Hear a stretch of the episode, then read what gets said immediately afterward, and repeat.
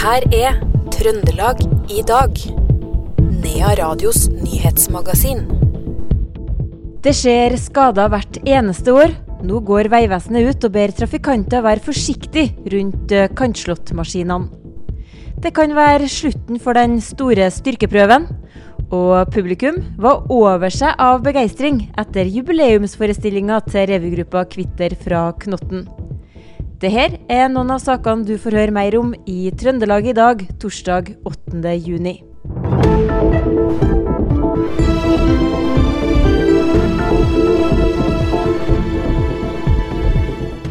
Først i dagens Trøndelag i dag skal det handle om kantslått langs veiene. For nå går fylkeskommunen ut og ber trafikanter om å ta det med ro rundt maskinene som er ute og slår langs kantene.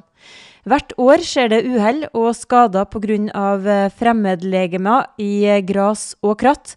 Og det er ikke ufarlig å være fornærmet disse maskinene, forteller seksjonsleder for drift og vedlikehold i Trøndelag fylkeskommune, Endre Rudolfsen. Vi ønsker å gå ut med en informasjon, slik at folk skal være oppmerksom på den aktiviteten som pågår langs, langs veinettet nå i disse tider. Hva er det folk skal være obs på? Nei, Det er å ta nødvendig eh, avstand til maskiner som klipper, fordi det kan være ting som kommer under klippemaskiner for seg, sånn, som fyker av gårde. og Da er det greit å ha litt avstand. Hold avstand, vis hensyn og ta det med ro.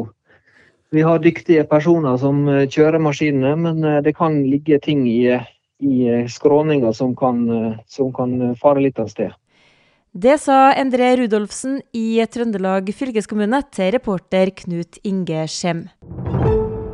Et enstemmig formannskap i Verdal ber kommunedirektøren om å utrede hva det vil koste å vrake det omstridte pasientjournalet Helseplattformen, det skriver Trønderavisa.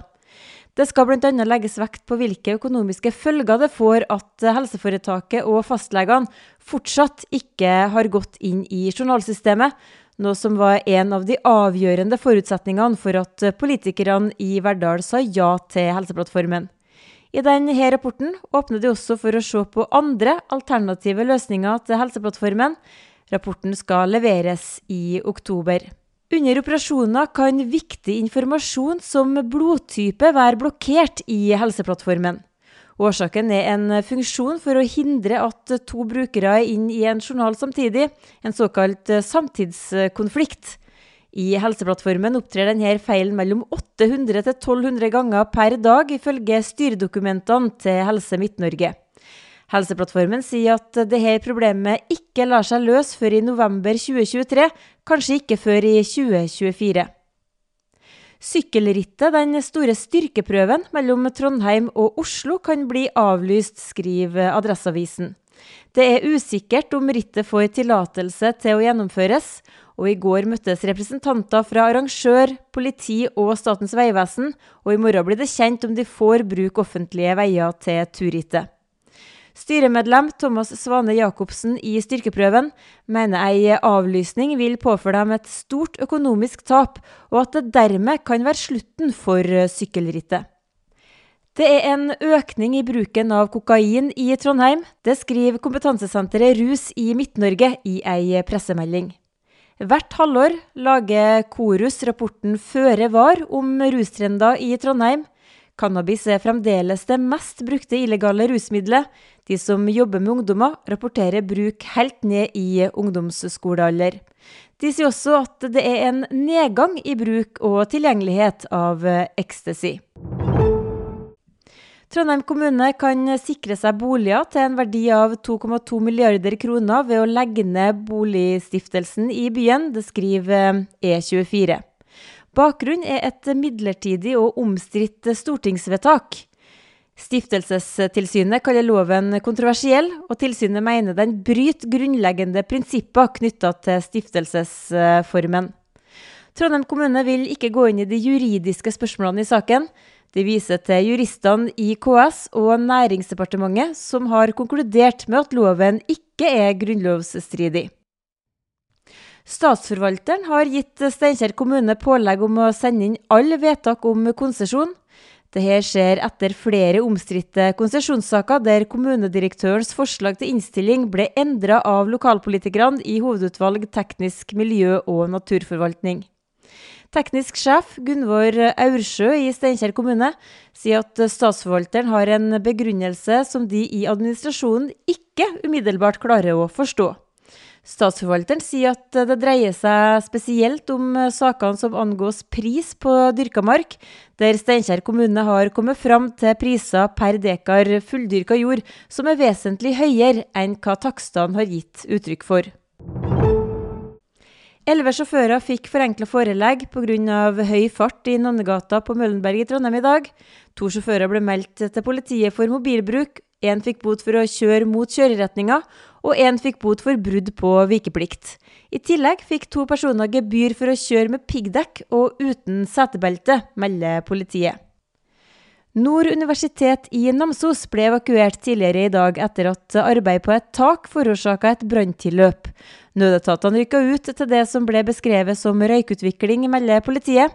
Ingen personer kom til skade, og politiet har oppretta sak. En mann i 20-årene ble i natt pågrepet etter at han skal ha trua en vekter med øks da han stjal en sykkel i Trondheim, melder politiet. Ingen ble skadd i hendelsen. Nordlandsbanen er igjen åpen for trafikk etter at et eh, tog sporet av på Steinkjer stasjon mandag kveld.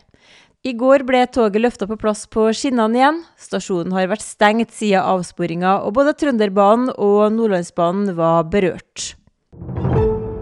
Og så sport. Kolstad vant 29-27 mot Elverum på bortebane i Terningen Arena i eh, går kveld. Dette er den eh, tredje seieren til Kolstad i sluttspillet. Kolstad er dermed klar for Mesterligaen etter gårdkveldens seier. Ranheim tapte 0-2 mot eh, Bodø-Glimt i går kveld. De er dermed ut av cupen etter tre runder. Men eh, Stjørdalsblink vant 3-2 mot eh, Ullkisa i den tredje runden av eh, cupen. Etter ordinær tid var stillinga 2-2.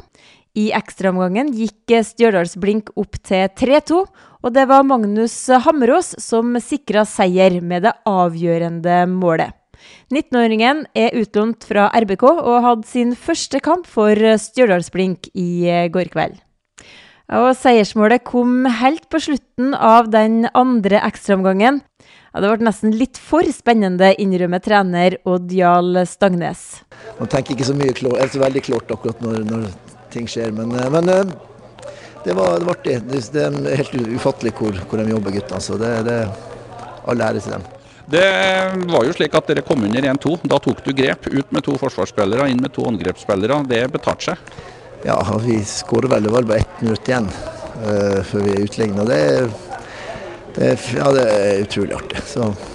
Så kommer det 3-2-målet, også ved en eh, innbytter. Var gode bytter i dag. Var coaching i verdensklasse, ikke det der, Rekdal Ja, da, men jeg har god, jeg har god, god hjelp i, i Marius, assistenten min, så det, så det, var, det var veldig bra. Og um, trener for Stjørdalsblink, Oddjal Stangnes, ble intervjua av Knut Inge Skjem. I disse dager spiller revytrioen Kvitter fra Knotten sin jubileumsforestilling på Kafé Rampa i Hummelvika. Og en av de her tre glade damene, Rakel Sivertsen, forklarer hva Knotten betyr. Universet som vi har laga oppå Knotten, er jo rett og slett uh, bare tull og vås og artig for artighetens skyld. Vi, har, vi er søstrene Kari og Ragnar Knotten. Det er alltid egoene våre i forestillinga.